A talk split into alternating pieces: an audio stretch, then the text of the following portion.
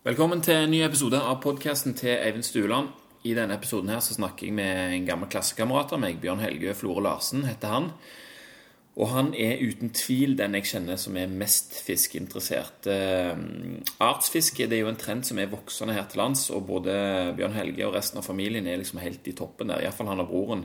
Og begge to har lært av faren, så dette er en familie som har liksom fisking eh, godt inntil margen. Eh, og det vi får vite i dag, da, er litt mer om hvor allsidig fiske faktisk kan bli. Og kanskje så lærer vi noen triks som gir oss lyst til å prøve lykken på en ny måte. Jeg kjenner i alle fall at jeg har, eh, etter jeg har snakka med Bjørn nå, så er det eh, mye større sjanse for at det blir mer fisking i år enn i fjor. Og jeg har òg fått det litt mer sånn tilspissa. Sånn, ok, kanskje det er akkurat det jeg skal prøve på. Så uh, uten tvil veldig interessant å, å høre på hva, hva Bjørn Helge forteller om artfiske. Og bl.a. om masteren sin, som tok opp i Bjørnøya, og litt sånne andre ting. Så stor fare for å bli fiskeinteressert er det iallfall her. Eh, episoden er, presenteres av Vivo Barefoot. Og for de som ikke, fremdeles ikke vet hva det er for noe, så er det altså det kongeskomerket som bare får flere og flere gode modeller for hver sesong som går. De er brede i tåboksen, sålene er tynne, og det, skoene er lette. Og det gjør at føttene og tærne dine får bevege seg akkurat sånn som de liker. For det er altfor mange folk som vandrer rundt i sko som er for trange eller for stive, sånn at du får vondt i føttene. Og hvis du får vondt i føttene, så går det på en litt annerledes måte. Da får du plutselig vondt i ryggen eller i nakken eller i hoftene eller eh, sånne ting. Det har en tendens til å, til å vandre litt rundt eh, disse her plagene som du får for føttene. Vet jo alle hvor deilig det er å ta av føttene og sprike med tærne etter å ha gått kanskje 8-10-12 timer med, med sko eh, om dagen. Men eh, Vivo Barefoot de lager altså en sko som gjør det mer behagelig å ha føtter og samtidig se normal ut. Så gå inn på vivabrands.no, og eh, der kan du se på alle de modellene som finnes. Det finnes både casual, treningssko og fjellsko, så det er sikkert noe du vil like der. Eh, bruker du rabattkoden podcasten, så får du 10% i avslag i tillegg. Og frakten er gratis på ordre over 1000 kroner. Så gå inn på vivabrands.no og sjekk ut hva du kan finne deg der. Episoden presenteres også av Pure Pharma, som er det eneste kosttilskuddet jeg tar noenlunde regelmessig. Pure Pharma det er et eh, dansk firma som går til gasellebedrift i fjor, så disse folka vet hva de holder på med. Eh, de syns at det mangler et godt eh, omega-3-tilskudd på markedet, og bestemte seg for å lage det sjøl. Det ble da O3, som er det første produktet til Pure Pharma, som ble lansert for eh, ja, det er sikkert fem-seks år siden nå. Men nå har de òg vitamin D3 f.eks. og M3, som jeg begge to bruker sjøl. Og mye mer informasjon om disse produktene og hvordan de blir lagt og hva de inneholder, finner du på purefarma.com. Og Der kan du òg bruke rabattkoden 'podcasten' eh, for 10% avslag. Eh, hvis du har et eh, produkt eller en butikk du kunne tenke deg å markedsføre her på podkasten, så send meg en e-post på eivind.podkasten.no. Det var Eivind med EY. EYVIND at podkasten.no. Så kanskje vi finner ut av noe. Men aller først skal vi finne ut av hva det er med artsfiske som er så kult. Her kommer Bjørn Helge Flore Larsen.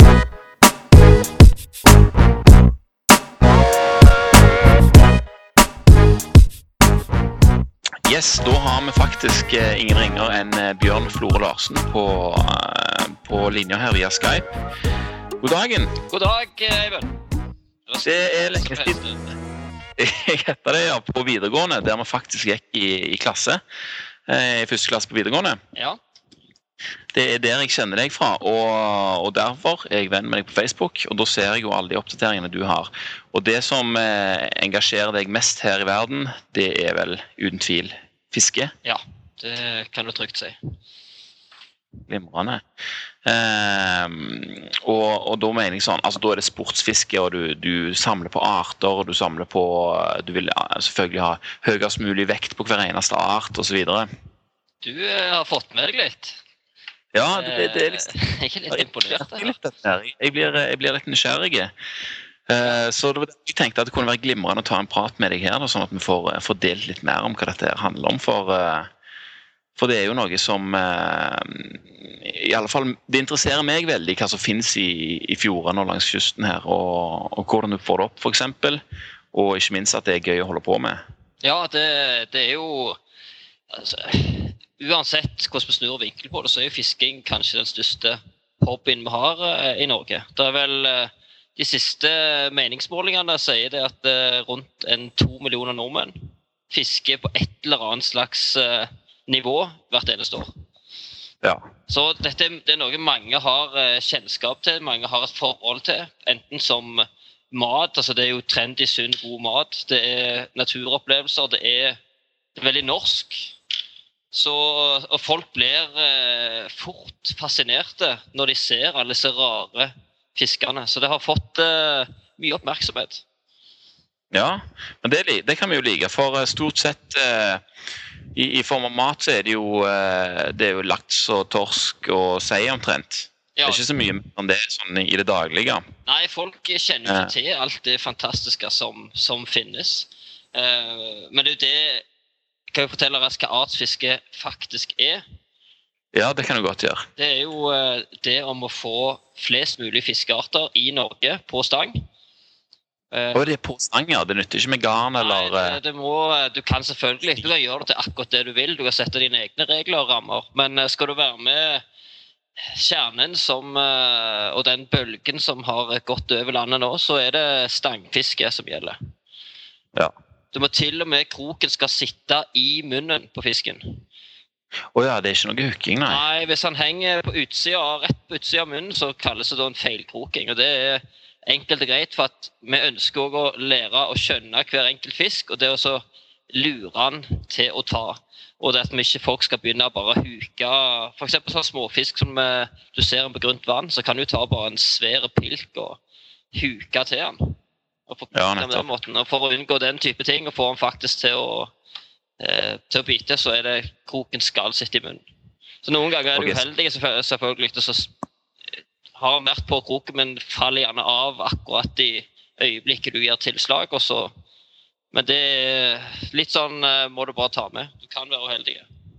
Regler er regler. Regler er regler. Det er den mest vanntette måten å gjøre det på, det er å ha noen helt enkle regler. Ja, sant? så Dette handler rett og slett om det psykologi og, og menneskets evne til å kjenne sin eh, motstander eller sitt, eh, sitt offer. Ja, ja det, det blir litt, eh, litt det. Det er iallfall det altså For meg som da er fiskebiolog, så syns Du er faktisk fiskebiolog sant, som yrke. Ja. Eh, Så syns jeg det er ekstra gøy. Det er kanskje det som For jeg har alltid drevet med fisking helt siden jeg var bitte liten pga. familie som har hatt det som den store familieinteressen. Eh, Ja, jeg kan ikke fortelle litt om det? Hvordan du begynte, og hva, hvordan eh, interessen har eh, vokst fram? Ja, det er Min far han eh, har jo drevet med sportsfiske eh, i ja, hele sitt liv. Og han eh, holdt på da inn i Ryfylke, spesielt da i fjorder. Han holdt ikke på med alt det her veldig små, rare artene som, som jeg fisker i dag, men han fiska likevel mye mer allsidig enn en bare torsk og sei.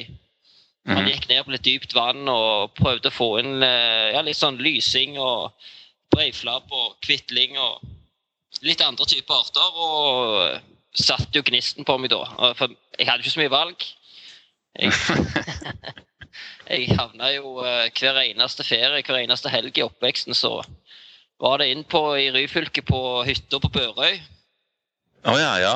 Og eh, der lå jeg på kaien. Fiska helg etter helg. Skrev ned eh, fra ganske tidlig. Så begynte jeg å notere ned antall fisk av hver art på hver tur. Og størrelser og rekorder. Og jeg skjønte jo ja, Jeg skjønner i hvert fall når jeg ser tilbake nå at jeg var egentlig ødelagt allerede da. Så, så når min bror driver med akkurat det samme, så, så blir det en livsstil. Det Det det. blir fort det. Og når det i tillegg blir et yrke, da, så, så går jo det godt eh, hånd i hånd. Ja, jeg hadde jo egentlig ikke helt snøring på hva jeg ville bli. Og det er derfor gikk jeg jo på Svithun allmenn og bare utsatte valget. Ja. Eh, Men så, når jeg var ferdig med Svithun og militæret, så tenkte jeg hva er det jeg egentlig liker å gjøre. Det er fisk og fisking. Og hva muligheter har jeg da? Og da var det å studere biologi og prøve å gå i retning fisk og se om det var noe artige greier. Og eh, det var det. Det var det. Det var det, ja. Så da dro jeg jo fra, fra Stavanger i 2005. Og så skulle jeg bare opp en liten tur da, og studere på NTNU i Trondheim. Eh, se hvordan det var, og gjerne stikke tilbake etter to-tre år til hjem til Stavanger igjen. Men eh, det er nå elleve år siden. Men dialekten, den sitter ennå. Den sitter ennå. Og det, det håper jeg han gjør til siste slutt. Både altså, trønderdialekt og Rosenborg. Det er totalt uaktuelt. Ja, ja, ja, for du er jo en iherdig eh, vikingsupporter i tillegg. Ja, det, jeg støtter på Viking. Det kan eh, selvfølgelig det nå. Det, det kommer til å følge meg òg til siste slutt. Ja, ja, der, eh, der eh, henger jeg med deg, altså. Den er jeg helt med på. Ja, eh, så da var du altså i gang og studerte Hva heter studiet som du gikk? Jeg starta egentlig bare på generell biologi, altså på bachelor i biologi. Mm -hmm. Helt i starten så var vel Det var litt feltkurs, og det var litt å komme inn i det å være, studere på et universitet. Det var jo òg litt annerledes enn det jeg var vant til. Eh, Mye Det var jo 70 eh, jenter på, på dette her, eh, denne retningen, så det var jo noe som tok litt tid i starten. Ja, nettopp. Og traff da hun kona jeg er sammen med i dag. Hun traff gjennom biologistudiet. Fantastisk. Så hun liker òg fisk? Ja. Eller er det bare biologi? Hun, hun jobber jo faktisk innen fisk, hun har tatt det, men det er mer biologi da som er tingen hennes. Ja. Eh, Ikke sånn eh, Ja. Jeg er nok litt mer eh, smale i feltet. ja. Litt mer nisjeorientert. Ja. Men ok, så er, det, så er det bachelor i biologi, da. Så hvordan, hvordan kommer du videre der for å tilspisse det enda mer? Jo, så når du da har Da begynner du på et, Etter du har gått i, så, så begynner du på å få litt mer meninger om hva du faktisk eh, har lyst til å gjøre, og ikke minst ser litt hva muligheter det er. Eh, Og da så Mhm. jeg at det begynte å være muligheter eh, rett, i mer retning fisk. Det faget begynte, det begynte å bli kvitt alle de her obligatoriske fagene der du måtte høre om blomster og sopp og lav og ja, Det var mye tynt der som du måtte gjennom. Mhm. Eh, som ikke interesserte meg så mye. Men når du begynte å komme opp mot master, så fikk du velge alt sjøl. Oh ja. Eh, og Ja, da var det greit. fikk du valgte kun eh, fag som var i retning fisk. Eh, og fikk da muligheten til å bli med til Bjørnøya. Har du vært på Bjørnøya? ja, jeg bodde jeg i, i halvannen måned. Ja, det er jo kult. Ja, det var dritkult. Det var det som var den masteroppgaven. Da fikk jeg, de trengte en sportsfisker til å bo oppi den steinura der i halvannen måned og fiska etter disse røyene som er der oppe. Og skulle lage en oppgave om det. Så da takka jeg jo selvfølgelig, selvfølgelig ja. Ja, det hørtes kremaktig ut. altså. Men eh, Var det da eh, fra land eller fra båt? Nei, da hadde vi, vi hadde noen helikopter som fløy inn eh, noen eh, ulike lettbåter og motorer. Og så hadde vi ja, all slags utstyr som fisker fra land og, og båt. Og da er det jo forskning, så da fisker du òg med, med garn. Og Mm. få inn mest mulig materiale. Røye, sier du. Hva slags røye er dette her? Dette er, det er en vanlig røye, men røye er en fisk som kan opptre Selv om det er samme art, så kan han opptre i veldig mye forskjellige former. Han er ganske plastisk, som de sier. Eh, Ja, hva, Altså, hva den- sier de når, hva, men, hva mener de da? du har for eksempel eller, har, du, har du hørt om, eh, om fiskearten røye? Ja, ja. Ja. ja og eh, Der, nå har du allerede trødd litt feil. Nei! OK, ok, fiks det. Fiks Ja. det. For det, Bekkerøya den, eh, det er en helt egen art eh, utenom. Det her, okay. Ok. en, en god huskeregel er egentlig hvis det er uh, forskjellig latinsk navn, så er det forskjellige arter. Akkurat. Mens, uh, men den vanlige røya, da, den som er i store Stokkavann, Ja. eh, der, der er det da ørret og røya eh, av disse her eh, laksefiskene. Og den Ja. røya den eh, kan da se veldig forskjellig ut. Altså, du har den mer typiske utseendet, den har du da i Stokkavannet. Så har du f.eks. òg helt vanlige røyer, samme art, som lever i Tinnsjøen i Telemark på 450 meters dyp. Helt hvite, nesten blinde. Eh, og blir kanskje 10-12 cm store som voksne individer. det er samme art fortsatt, men pga. forholdene som de lever i, så er de veldig tilpasningsdyktige til å eh, bruke nye nisjer. Så det er en fisk som er derfor er da, det er det som ligger i ordet plastisk, at han kan forme seg etter miljøene. ganske Mm. Men er fortsatt Ja, da forstår jeg. Ja. Så den kan altså eh, Det er gjerne aldri eller- Eller hvis du ikke har peiling, så er det ikke så godt å si hva du har fått. Eh, jo, for stort sett så får du bare de som, eh, de som ligner egentlig på i standard røye. Eh, for ofte de andre formene for røye, de er litt mer på ekstreme gjerne dybder eller størrelser, eller sånn som de som jeg studerte på Bjørnøya. Der var det jo et system som eh, I en bestand så var det 25 eh, store røyer som da kanskje var Nå står jo jeg her og måler i lufta, det hjelper deg ingenting. Jeg kan gjøre det samme, jeg. 25, OK? Ja. okay. ja. Tenk da ca. 50-55. Ja. Det vil da si da en fisk som er eh, rundt kiloen, drøye kiloen. Og så hadde du, det var det 25 stykker av oppi sånn et lite vann. Kanskje på ja et lite vann ja, Sånn lite vann vil da si eh, Lille Stokkavann. OK. Så eh, det, det er vel en eh, omkrets på et par kilometer der omtrent? Ja, noe sånt, ja. Noe sånt, Men ja. så totalt Men, men, men dere fem, visste dere at det var 25, liksom? Ja, det, det har de da fordi det var en del av forsøket de hadde funnet ut eh, for okay. tidligere når de har vært der oppe. det at eh, Du fikk mye sånne store Når du heiv sluken oppi det vannet der, så fikk du på en sånn stor røye med en gang. Mhm. Og da virka det som det var helt utømmelige mengder av disse her digre røyene. Men så plutselig bang, så var det bare slutt. Og så det De gjorde da, de tok og så merka disse fiskene eh, med noen sånne små eh, Egentlig en slags liten chip som de dytter inn i fisken. Mhm. Og så setter de tilbake og lar de få slappe av litt igjen i et par uker i vannet, sånn at de begynner å, er sikre på at de begynner å komme tilbake til sine normale gjøremål rytmer i vannet. Og så setter de garn i kryss og tvers, og da, eh, hvis de da har eh, merka f.eks. Eh, 20 fisk, og så setter du masse, masse garn i mange døgn i dette vannet, og så får du da eh, 25 fisk tilbake. Eh, der eh, ja, 20 av de er merka, f.eks. Mhm. Du kan, Ut ifra hvor mange du har merka på forhånd, og hvor mange gjenfangermerker du får, eh, så kan du da estimere hvor mange det er totalt i dette vannet. Ja, nettopp. Eh, ja. Men så totalt i hele vannet så var det da kanskje 20 000 fisk. Mhm. Alle var røya, bare 25 av de er store. Eh, og så var det da disse all, ja, De andre snaue 20 000, det var små dverger. Som da ble De var like gamle som den store, på at han var kanskje 10 cm store. Samme alder. Og det er bare at det var ingenting annet mat der oppe. Så eh, en, en, eh, en liten mygg som heter fjærmygg, så da gikk disse røy, små røyene opp, spiste på disse myggene, og eh, skal du være en eh, Ja, det vet jo du alt om. Skal du være en stor mann, så må du ha solide kost. Jeg er nødt til å spise mygg. Nei, det er sånn jeg kan leve på.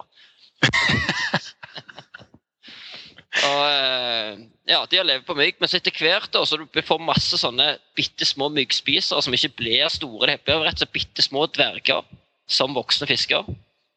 Så vil det gi rom for ett ekstra matfat. Det er jo å spise disse her og bli en kannibal.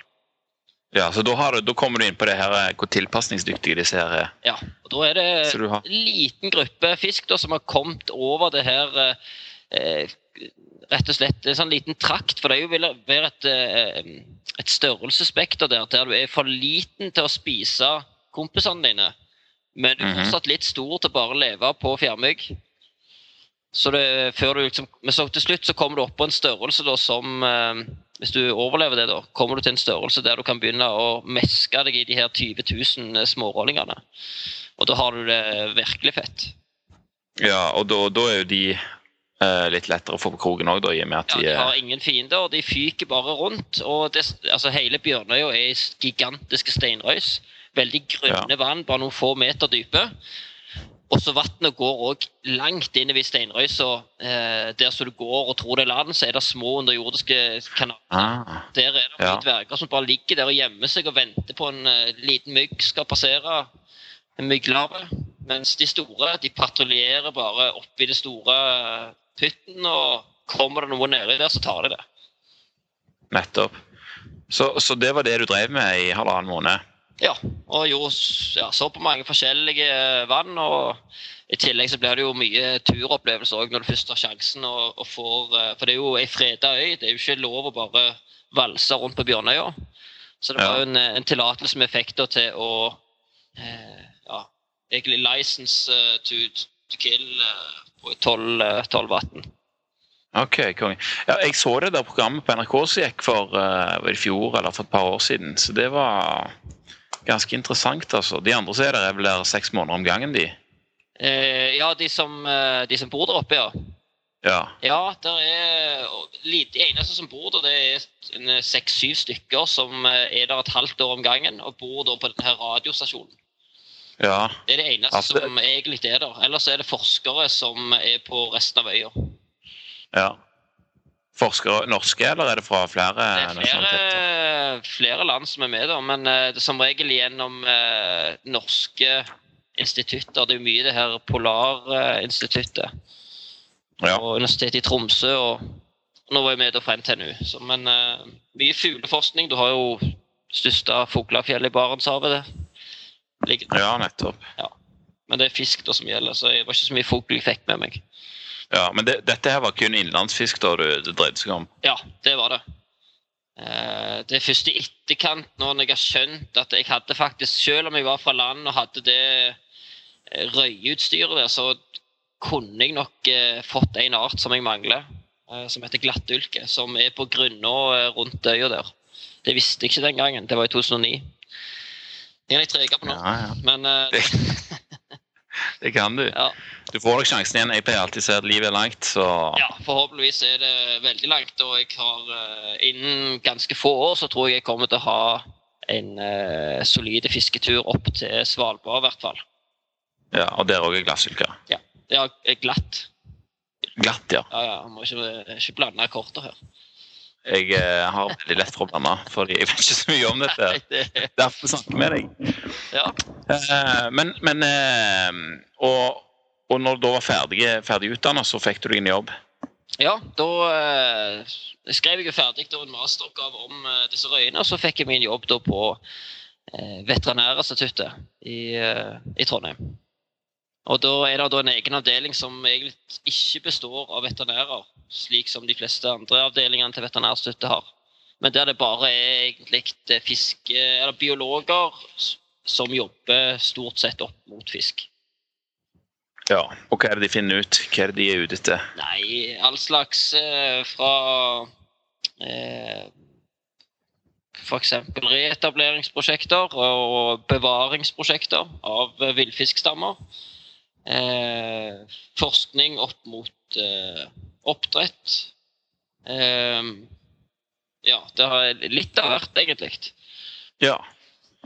Men eh, veldig mye som er retta mot, eh, mot laks og en del ørret. Men eh, klart mest laks. Så det, det er vel den fisken jeg fisker minst sjøl på fritida. Mhm. Pleier å si at laks er jobb på de 118 andre jeg har på lista fritid. Ja så du har, forskjellige 119, du har 119, da? Ja, jeg har 119 arter i Norge, så det, det er høyt. Men fortsatt så er det, det er ikke best. Det er det ikke. Hva er best, da? Eh, Han som eh, har flest, det er uheldigvis eh, min storebror. Ja, OK. Ja, men Det er jo, det er jo bra det å holde de i slekt, i det Ja. minste. I det minste. Nei, han, er- han er enorm. Han, han har da 123.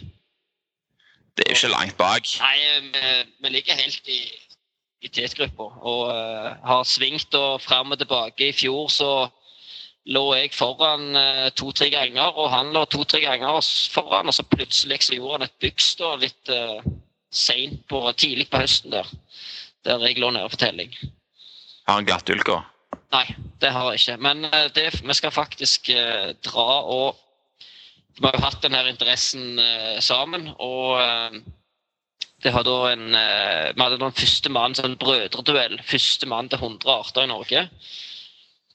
Og den eh, tok jeg med hårfin margin.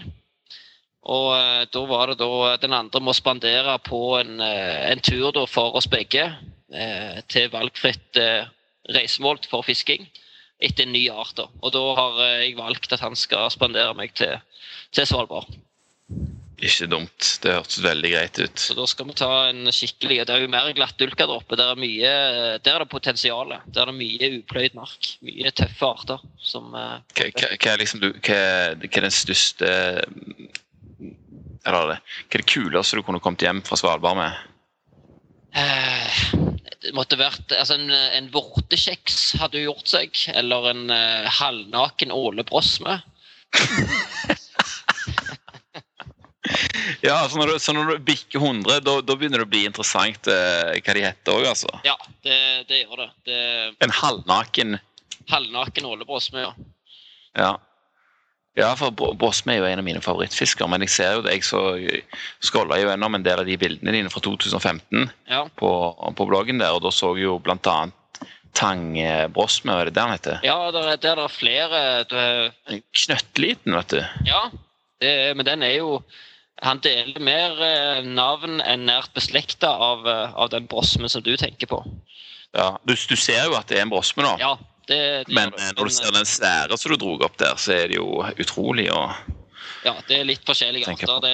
med disse tangbrosmene her, der er det eh, ja, litt forskjellige. Du har nordlig tangbrosme, og så har du eh, sølvtangbrosme, femtråda tangbrosme, firtråda tangbrosme, tretråda, strandtangbrosme.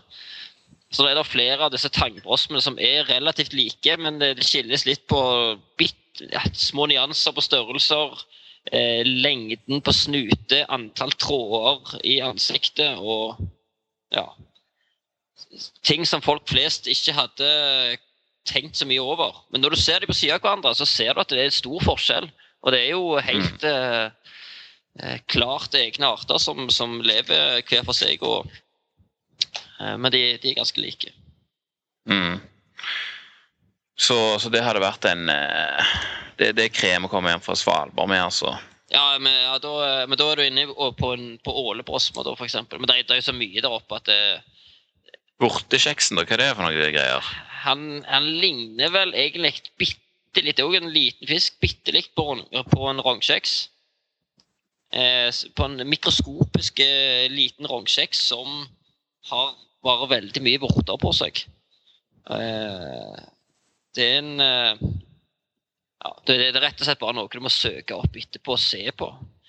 Ja, det kan være Det, det, det må jeg faktisk gjøre. Det er ganske mye sære, sære kule fisker som eh, Det har blitt mer fokus på det òg når det har eh, vært arbeider på å systematisere litt mer alle disse artene som er oppe i Arktis. For det er, det er mange fiskearter der da, som, som går under eh, å være norske arter. da. Ja, så klart. Det er jo et eh, stort farvann der med, med mye, eh, som du sier, upløyd mark. Ja, rett og slett. eh, det, forskningsskip har jo vært der og trålt i, i mange år. Vet jo hva som finnes der, men eh, sportsfiskere har eh, ytterst, ytterst få av disse fiskene her. Det er ja, kanskje en fire-fem av de, de sære arktiske fiskene som er tatt på stang. Hvor, hvor mange tror du det er omtrent omtrentlig? Nei, så sånn eh, Totalt sett, med ferskvann, saltvann og Arktis og sånne eh, altså månefisk som drifter inn til norskekysten, så Mhm. har du kanskje i hvert fall 300 arter i Norge.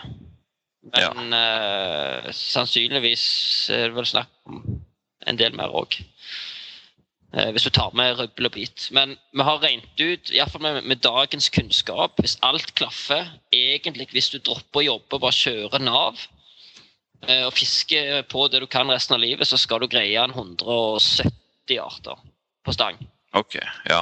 Det, det er liksom Hvis noen har klart det, så er det Da har du, da har du i hvert fall passert eh, siste bossen i Mario og vært gjennom de stjerneverdenene og alt. mm, Eh. Da Da fortjener du den eh, tronen, rett og slett. Ja, det gjør det. Eh, Men det, det som er for noen år siden, så var, var 100 en veldig vanskelig grense å komme over. Eh, nå har, eh, var min bror i avisa i, i, rett før jul, der han tok 100 på forskjellige på ett år. 100 på ett år nå, plutselig, ja. Ja. Men så begynner det, det som at det, når du først har knukket koden på mange av dem, så vet du hvor de er. Mhm. eh, og, så, og vet hvordan du skal gjøre det. Og hvis du da reiser, altså det, Da er det snakk om tid, og selvfølgelig en del flaks og en del, eh, en del skills må du få for å kunne alt dette. Det er jo et enormt repertoar av uh, teknikker og, og plasser du har. Mm -hmm. uh, så det er jo ingen andre som har gjort det på ett år. Men det, det viser jo at det er mulig. Og da det virkelig begynner å bli vanskelig, det er når du De siste 20 der, da, fra 100 til 120, der begynner det å bli litt mer uh, fisker som sitter litt lenger inne. Da må du virkelig jobbe. Ja. Eller ha skikkelig flaks. Det, det fins de eksemplene der òg. Det er noen som har jobba i årevis eh, på for få en art, og så er det andre som slipper ned, og så har de fått den etter fem minutter. Hvordan føles det når du hører om, det, når du hører om noe sånt? Ja, det er en smell. Det, det, det er helt klart en smell. Det er faktisk skikkelig stygt. Ja, det kan jeg se for meg, altså. Men, eh, men sånn um, artfiske Det er vel mer å ta av i sjøen da enn en på land, selvsagt. Ja, det er det. Altså, si eh, rundt Reina så har du muligheten til ca. 40 i ferskvann i Norge. Mm. Eh, Resten er i sjøen. og det selv så, altså Ferskvannsfiske er, er, kult. Og det har eh, mye, mye utfordrende og mye tøffe fisker du kan fiske etter. Men kanskje både pga. At jeg er vokst opp eh, med sjøen og, og Ryfylke, men òg det at det er så mye mer eh, ting som kan skje i sjøen. Når du er nede på store dyp og fisker etter noe, så kan det komme noen overraskelser du ikke hadde regnet med.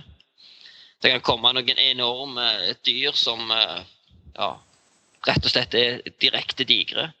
Og så eh, altså eksempel den, den brosma som, som jeg fikk, som da ble eh, var større enn gjeldende verdensrekord, og er nå godkjent som ny norgesrekord. Den Det var ikke noe jeg trodde var rett utenfor Trondheim sentrum. Nei. For, for det er der du stort sett fisker, er det ikke det? Jo, eh, sånn i, Ute i Trondheimsfjorden? Ja, i, i hverdagen så det, har jeg en liten skute som heter Black Pearl. Eh, definitivt ingen uh, veldig smykk båt, men uh, han gjør jobben.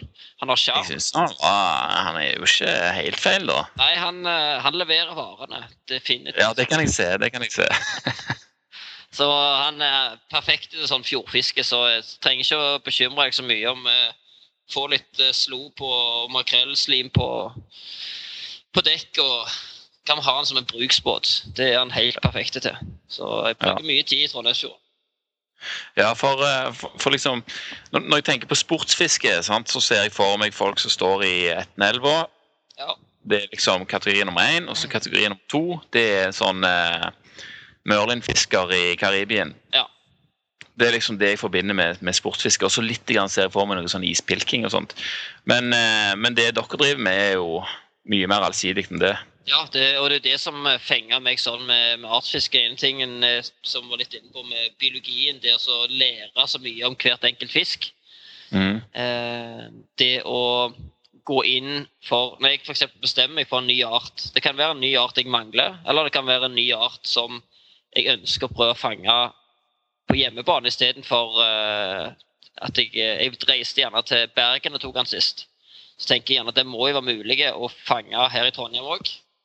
Ok, du lager deg eh, dine egne hinder, rett og slett, for å Ja, du, å du gjør det underveis. Altså, du, du må jo, hvis det bare handler om å plukke artene, så kan du egentlig eh, begynne med noe annet. For da vil du før eller siden ha det ganske kjedelig. Du må ha litt Ja. eh, andre ting òg. Du må være det her å få nye rekorder på hvert enkelt fisk. Prøve å pushe rekorden på hvert enkelt art. Eh, det er gjerne å finne den på nye plasser. Eh, sånne utfordringer som det er det, det som mestedelen av hverdagen min er nå. For det, nye arter det får jeg definitivt ikke hver dag lenger. Nei, da, da ser du mer for deg at du må av gårde en plass og Ja, altså har jeg noen sånne prosjekter i Trondheim som uh, får håpe går til slutt. Men uh, da sitter jeg og leser hva er det denne her arten her spiser. Hva, hvor stor er munnen? Hvordan skal jeg da forme altså det her krokoppsettet jeg sender ned? Hva størrelse kroker? Hvordan skal kroken være i form? Hvordan skal jeg presentere den på bånd? eh, eller skal jeg presentere den høyere opp i søyla, vannsøyla? Skal jeg eh, gå på eh, hva dybder? Når på året? Når på døgnet? Tidevann? Alle sånne ting. Så sitter du og leser om den først eh, hvordan, hvordan han faktisk lever. Og så eh, begynner du å planlegge, så ser du på sjøkarter, eh, finner potensielle plasser. Ok, der er det rundt 40 meter, det er jo sånn typisk dybde de lever på. Steinbånd går akkurat over til mudder, det kan være potensielle plass. Den spiser jo eh, den fjærmarktypen her, så sender jeg ned den. Presenterer den på bånn, gjerne med en litt liten, smal krok pga. den smale munnen. Så altså, ta på litt, litt, lys eller et eller annet. Holder du på å jobbe med teknikker, og til slutt, forhåpentligvis, så knekker du en kode hvordan du skal gjøre ting. Eh, og det er det som er det givende. Når du får det resultatet og, og har fått det til, eh, enten få den rekorden, få den arten, eller få den arten lokalt, det er det som er mest givende for meg. Da har du eh, good feelingen, ja. ja. Og så eh, alt annet bonus. Og så syns jeg det, det som jeg kanskje er litt ekstra fornøyd med med dette artsfiskemiljøet, som har blitt da eh, stort i, i, Norge, og mange har begynt å drive med det, spesielt de yngre, eh, det er at folk er så flinke å dele. Hvis jeg reiser til en annen by nå og skal på en jobbkonferanse i Ålesund eller Bergen eller Tromsø, så vet jeg på Facebook, jeg har aldri truffet dem før, men uh, vi er inne på sånne artsgrupper som sier hei, jeg skal i Tromsø nå hadde det vært uh, noe å tatt meg ut på klosgatefiske, eller uh, skal vi prøve oss på kveita, eller Så dukker de opp og sier ja, det skal jeg ta deg med på. Så får jeg gjerne være med på skikkelige hotspots og få se hva de driver med, og der de legger litt det meste rett på bordet. Det er konge, da. Ja, det er kjempegøy. Så gjør, så gjør jeg akkurat det samme igjen. Når folk er innom i Trondheim, eh, det er jo mye som havner på jobbreiser eh, her til. Så blir det med ut i The Black Pearl og fisker da f.eks. etter skolest, eller blir med meg og lyser på natta etter panserulke, eller uh, fisker blåkjeft eller paddetorsk, eller noe som Trondheim da er kjent for å, å kunne levere. Den der skolesten har jeg sett, og den har jeg så sinnssykt lyst til. Jeg, jeg har vel lyst til å spise den, og jeg har hørt den skal være ekstremt god. Ja, det er kanskje ser, den beste fisken. Ser jo ikke ut, men Nei, det gjør den ikke. men den er, den, er, den er, knallgod, rett og slett. Ja, for det òg er jo eh, en bonus. Du som er, er opptatt av mat, det er jo en veldig fin bonus. Dette. Jeg setter jo mye fisk eh, ute igjen at jeg ikke kan bruke. Så er jeg opptatt av å det kan, det kan vi sette ut igjen. Eh, men jeg tar mye fisk. Ting som eh, jeg har lyst på til mat, og ting som eh, fungerer bra til, til, mat, det tar jeg. Og ja, Så det blir en del fiskemiddager, ja. Ja, det gjør det. Jeg, nå har jeg akkurat lagt uh, siste pakken med kveite fra fjorårets Tromsø-tur. Den ligger på benken nå, så skal jeg ha, ha. Oh, det hørtes ikke helt feil ut. Nå så du skulle legge ned kveiteoppdretten inn i, inn i Ryfylke herrene. Ja, jeg så det. Jeg visste jo ikke at de hadde det engang, jeg. Men uh... Nei, det var visst vanskelig å få yngel til og så videre. Ja. Men uh, jeg tenker nok at den er nok best den du får på kroken, altså. Ja, han, uansett. Uh, uansett så smaker den ekstra godt når du, jeg synes jeg, når du har fanget det sjøl. Uh, ja, det, og så liker jeg det òg. Jeg har egentlig ikke så mye respekt for sjølrespekt når det gjelder det å lage mat, bortsett på fisk. Der er jeg ganske nøye. Eh, på fisken der liker jeg det syns jeg det er kjekt å lage mat. Det er kjekt å jobbe med. Og, ja. Fine råvarer. Også det så alltid ha det gjerne skinn og beinfritt og ned i ferdige stykker i vakuumpakker, så du bare tar det opp. Uh, legger bare det på benken før eh, du drar på jobb, og så eh, har du bare perfekt biff uten skinn eller bein liggende klar når du kommer hjem. Helt ypperlig. Ja, det, det, er jo de færreste som har den muligheten. og ja, det er det. Og det, det ypperste av delikatesser liksom, fra havet i, i Norge. Som, som jeg sa tidligere, så er det stort sett bare torsk og laks en får tak i butikken, og litt uh, sei i, ja. i uh, fryst i blokk. Ellers er det jo ikke så veldig mye. Nei, det, det er mye trist. Eh, det har eh, Ja, det er det. Jeg har Jeg deler ut en del til, til naboene. Det gjør jeg. Ja. ja, ja, hvis du får en på 15-20 kilo, så Ja, og så mange ganger så fisker jeg gjerne etter fiskearter som Sånn som f.eks. lysing. Vet ikke om du har smakt den?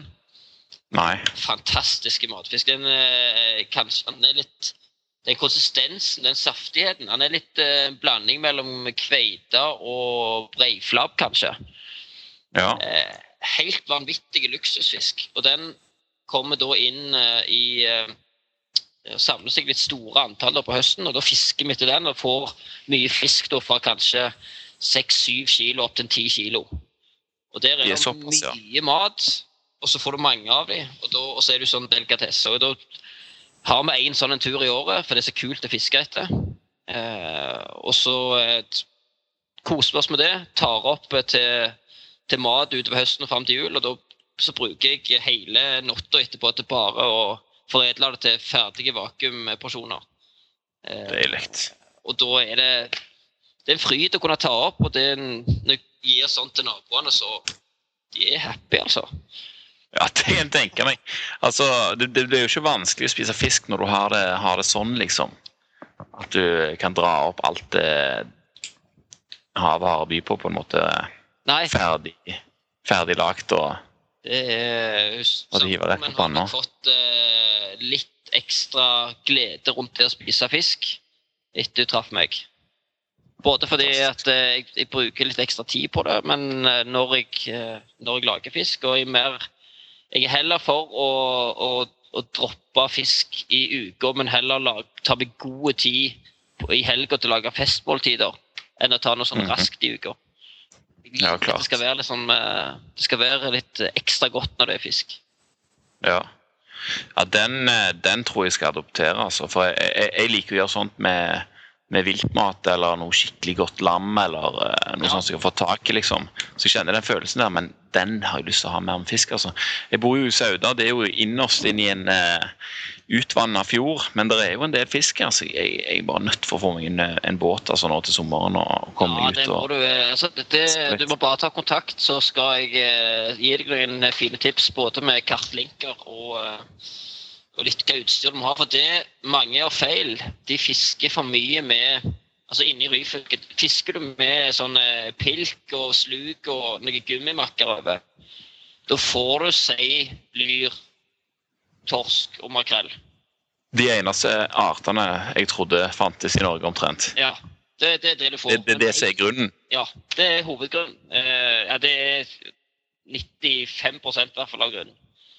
Ja. Eh, det med en gang du lager til noen eh, sånne Jeg skal lage noe sånn takler til deg og sende i posten. Eh, Åh. Og så er det bare å, å feste de på. Så gjelder det da Først fisker du makrellen, og så tar du eh, makrell og bruker til, til agen, eller til agn. da. ja. Og, og da begynner mye det, å- å- er, det, er det feit fisk som er best å bruke til agen? Ja. Eh, til, I hvert fall på sånn, eh, en generell eh, regel så er det feit fisk er det beste agnet. Mm. Så, eh, så er det til noen arter så, så gjelder ikke den regelen, men da begynner det å bli sært igjen. Så Ja, tror det, i utgangspunktet så er f.eks. sild og makrell det er to sånne virkelig bra allround-agn. Mhm. Kanskje kombinert med vanlige reker. Altså det her 29 kroner for kiloen eh, sånn frosne reker på Rema. Ja. Helt topp. Har alltid noe sånn liggende i frysen som eh, jeg kan spe på med til når jeg fisker med agn. For det- Reker er òg et meget bra agn. Ja, ja, vi satt med noen sniker med en kompis av meg i, i Førdesfjorden i- Haugesund. der, og Da, da satt vi noen sniker, og så heiv vi bare ut en neve med, med, med sånne reker. da, og Det er jo helt klart at det funker bra. Ja, ja, ja. Uten tvil. Og, og det er liksom det er lukt. sant? Det er lukt vi lager. Ja. Det, det er det det gjør. Og, men selv så er det jo mye det at folk fisker eh, altså Når du er inni der, du skal komme deg litt ned på dypere vann. Ja. Da, for du som snakket om at du var glad i den Brosmo, da skal du ned på litt dypere vann. mhm. Komme deg ned på i hvert fall eh, 200-300 meter. Såpass, ja. Ja. Der, eh, da begynner du, Det er de svære. Ja, der begynner det å bli de store. Og det som òg er, da, at sjøl så liker jeg ikke så godt mange av de brosmene du får på grunt vann. De eh, kan det da være mye kveis i, eller eh, generelt være en dårligere kvalitet. da. Kveis, det må du utdype. Det er en, eh, en parasitt som ikke ser Aha. så veldig, eh, eh, veldig lekkert ut. Det er jo okay, ja. fint. da. Nei, det, det gjør vel egentlig ikke noe. Så koker du den, så dreper du jo så er jo kjøtt, det òg. Men det, Ja, ja. ja. eh, det ser ikke mye lekkert ut. Og Eter han kjøttet, eller hva er det han ja, holder på han, han er da gjerne typisk i buken på fisken. Mm. og valse inni der som en sånn makk. Men eh, hvis du kommer ned på dypet, da, så eh, er som regel kvaliteten mye eh, bedre. Du får som regel større fisk som du kan ta ut de store, fine ryggbiffene som gjør seg da som baka i ovnen eller i grillen eller noe sånt. Eh, I tillegg så lever mye av eh, brosmene på dypet de lever mye på krepsdyr.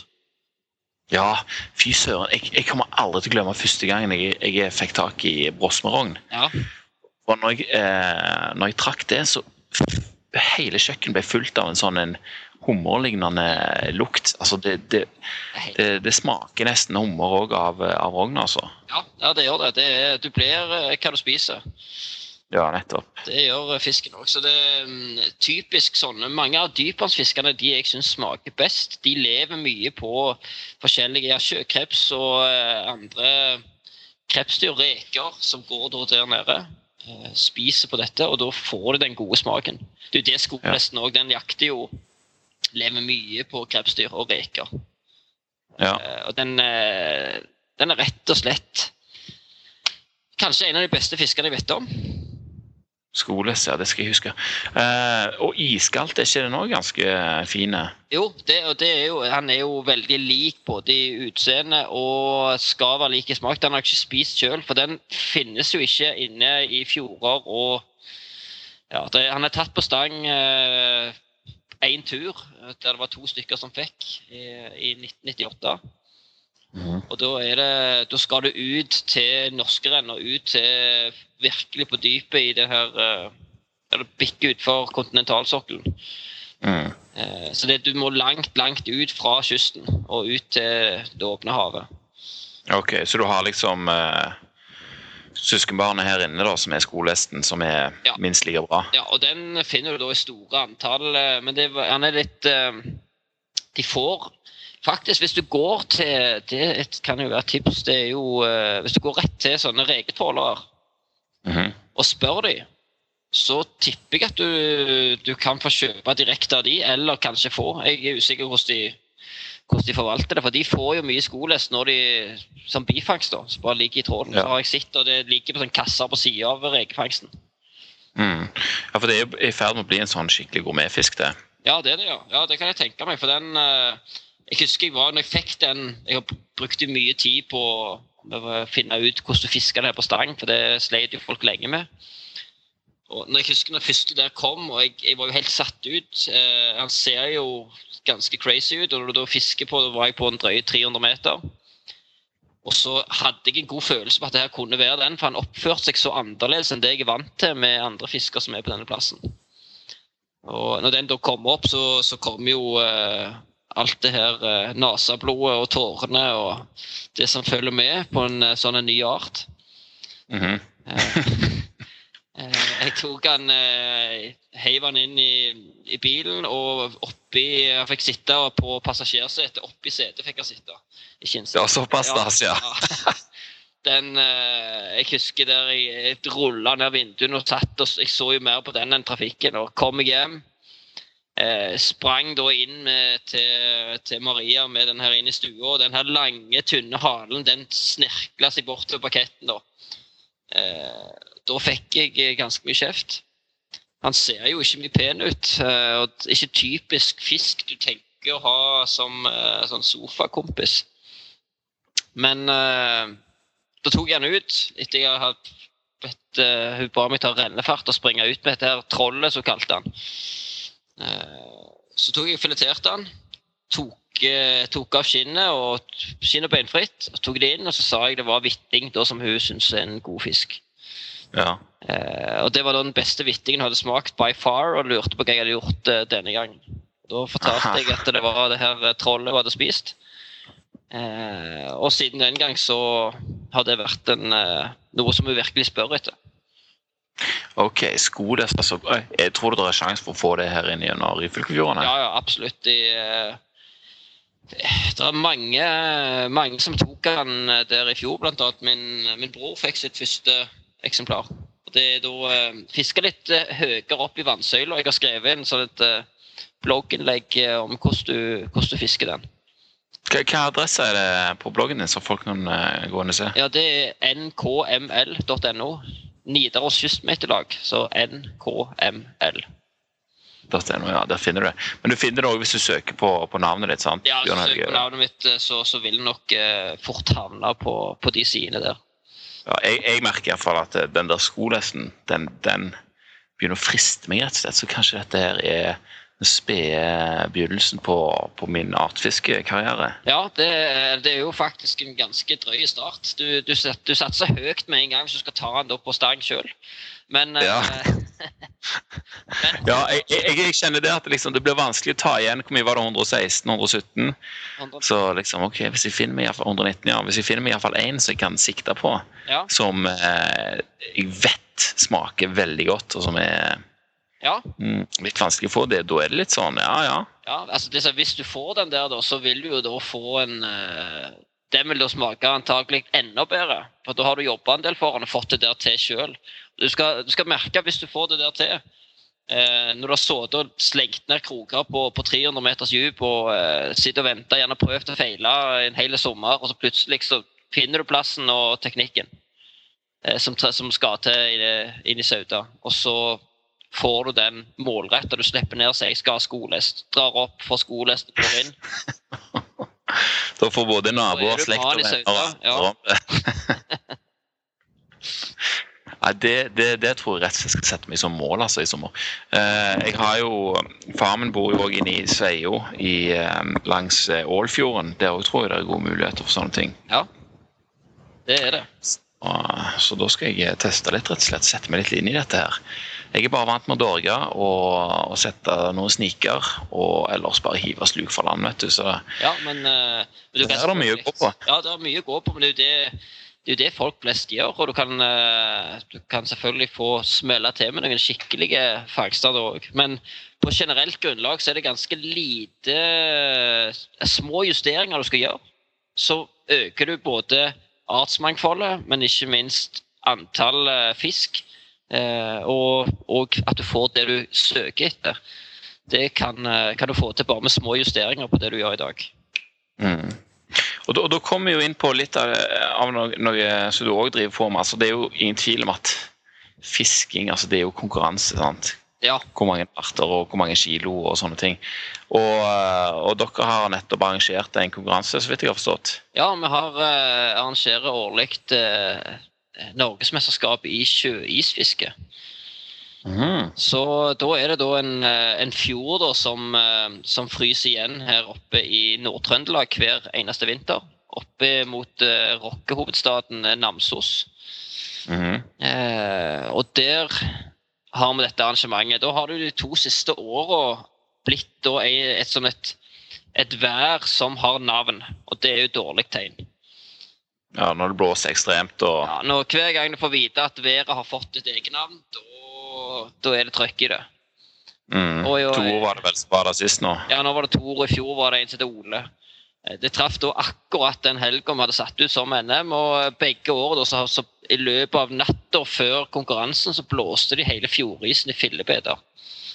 Ja, akkurat. Da sitter det da 100 mann som har reist fra hele landet eh, for å delta på dette her, og eh, vi sitter med en bråde med pokaler og 85 000 i premier som eh, skal ut. Men da har vi heldigvis da funnet en eh, liten fjord som, eh, som backup. Det, som, det virker som Der er det så sikker is at eh, uansett hvor mye Tor og om han heter Tor Ole, så skal jeg ikke ta knekken med den isen der. Ja. ja. Så da blir det konkurranse, altså. Og når det først er en konkurranse, hva, hva er det liksom eh, Hva er det som teller? Er det for mest fisk, eller er det til eh, Er det for en spesiell art, eller er det Ja, det er jo litt så, altså Vi driver jo med dette her artsfiske og sånn. Eh, en vanlig fiskekonkurranse som, eh, og festivaler rundt omkring, det er jo typisk få mest antall kilo fisk på fem timer, f.eks. Ja, sånn skreifiske, for Ja, det, det er den mest standard konkurransen som har vært i alle år, omtrent i hele landet. Mhm. Vi fisker da etter en uh, modell der du fisker Det gjelder for flest mulig arter. For du får poeng da for hver fisk. Eh, du skal kun melde inn Når du er ferdig med fiskedagen, så skal du kun melde inn én fisk per art. Og den skal være så stor okay. som mulig. Ja. Eh, Så har vi da satt opp en sånn grunnvektsliste som det heter på forhånd, der alle artene som da finnes på denne plassen, eh, har da Si f.eks. torsk. På denne plassen så er en torsk på, eh, på fem kilo. Den store torsken, den lille fjorden her. Ok, så den er mye. Grunnvekta på den den er fem kilo. Så hvis du da får, inn og veier inn en torsk på 2,5 kilo, så får du 50 poeng for den torsken. Får du en på 5 kilo, så har du fått 100 poeng. Får du en på Aha. 7,5, så får du 150 poeng. På den ene fisken. Ja, det, ja. Så, så da, og sånn er det da på alle artene. Så da vil du si at får du 100 poeng på en av de fiskene du får, så har du jo fått en kanonstor fisk til å være den arten på denne plassen. Mm. Og så har vi også satt en maksgrense på at det går ikke an å få mer enn 150 poeng. Altså i tilfelle det kommer en torsk på 30 kilo der inne, ja, at han ikke bare tar alt. så er det bare at den ene fisken som, gjør da at det, ja, det er ikke noe konkurranse mer. Så har vi satt en maksgrense på at uansett så kan du ikke få mer enn 150 på, på en fisk. Og så da gjelder det da når folk har fått en fisk som eh, enten som er litt halvsjelden, ok, da er det ikke vits å bruke mer tid på denne her, for det tar så lang tid per fisk på den arten. Neste art. Så går de for ny, ny taktikk, gjennom ny plass, bore litt dypere på isen, helt opp i land kanskje, nytt takkel, nytt agn. Og så går de til en ny art. Og da får de, hvis da, så er det litt den taktiske tida. Da kan du bruke en halv time på denne. Jeg har fått en fisk som er 70 poeng. Det er bra. Bruker jeg to timer til her, så får jeg kanskje en som er 75 poeng. Det er ikke vits videre. Da er det bedre å få 50 poeng på en ny, lettere art. Så da får du Så er det som eh, et artsfiske på taktikk og Ja, taktikk, og folk fyker rundt på isen og borer og har uh, trent i forveien og ja, lagt opp ruter og planer. Og disse her isfiskepulkene, der har de jo uh, virkelig tatt av med systemer og klimaanlegg inni der for å holde agnet i rette temperaturen. eh. Det er så jækla nice når det blir sånn superspesialisert. Ja, det altså. var noen uh, som tok det virkelig langt. Uh, men det, det var kjekt å se at det var ikke alltid de som uh, hadde den drøyeste pulken, som gjorde det best. Selv om de som Du ser de som virkelig har lagt sjel og litt ekstra i det, og trent og lagt opp i løypa, de havner alltid høyt. Ja. Det vil alltid I en fiskekonkurranse så vil det alltid være tilfeldigheter i tillegg. Det det handler om, det er å gjøre tilfeldighetene minst mulig. ja. Eh, så mye det du kan styre. Sånn, eh, hvis meg og deg drar på fiskekonkurranse, så kan det veldig godt være at du får både større og, og mer fisk enn meg. Eh, hvis vi fisker er sammen. Men eh, sannsynligvis, hvis vi hadde vært på ti turer, så hadde jeg vunnet flere turer enn deg. ja. Men eh, Så det det handler om. Det var vel alt, det kommer noen stjerneskudd hvert år som har fått noen skikkelige jackpot-fisker. Men eh, jeg ser hvert år så er det òg en eh, gjeng på kanskje eh, 15-20 mann som alltid er på den øvre delen og, og kjemper. Og er potensielle Eliten, rett og slett. Ja. Ja.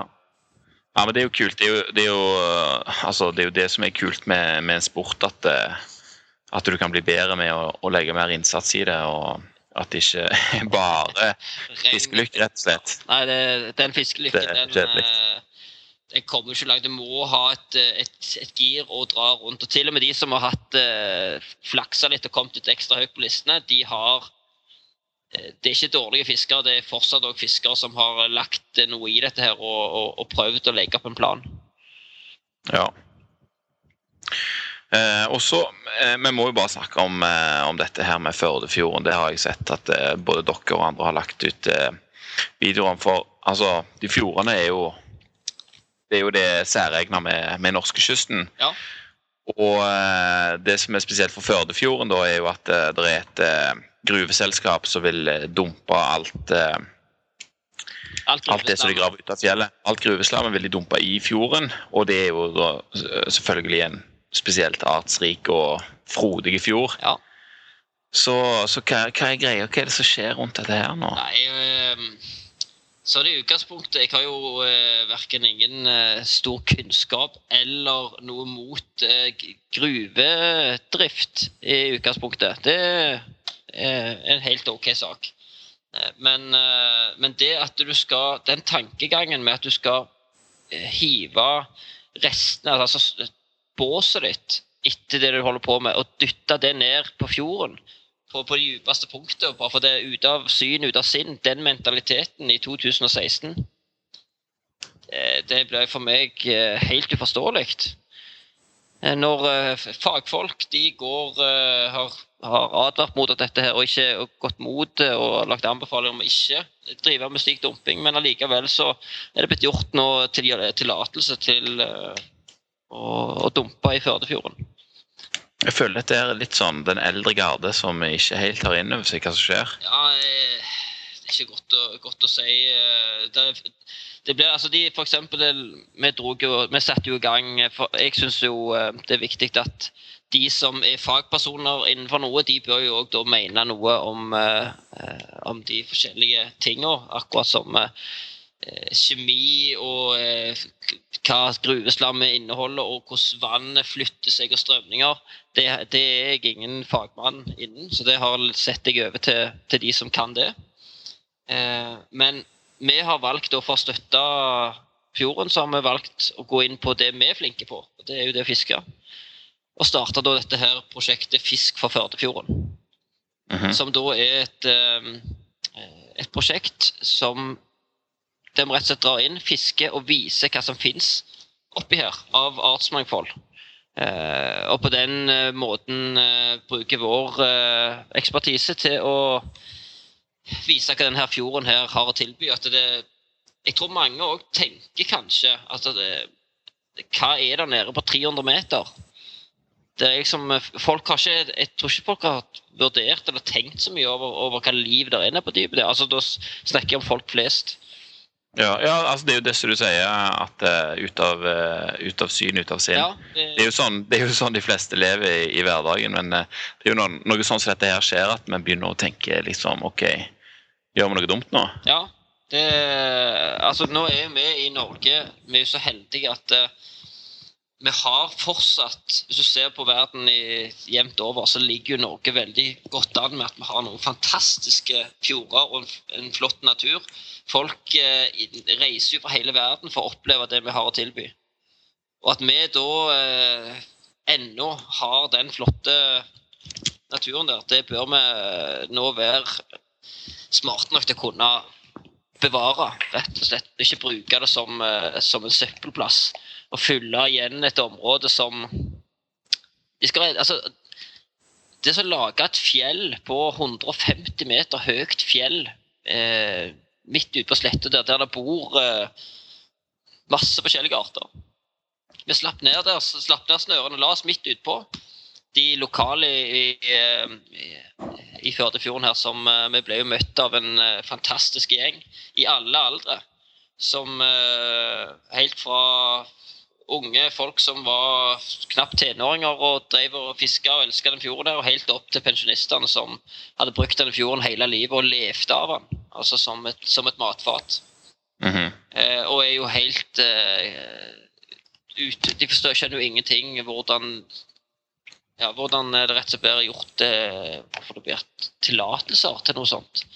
Til, til, å fylle igjen et område, lage et gigantisk under, undersjøisk fjell der under. Du vil fortsatt ikke se det, men du ser det litt når du slipper ned snøret med en uh, snelleteller på, sånn, som viser antall meter snøre du har ute.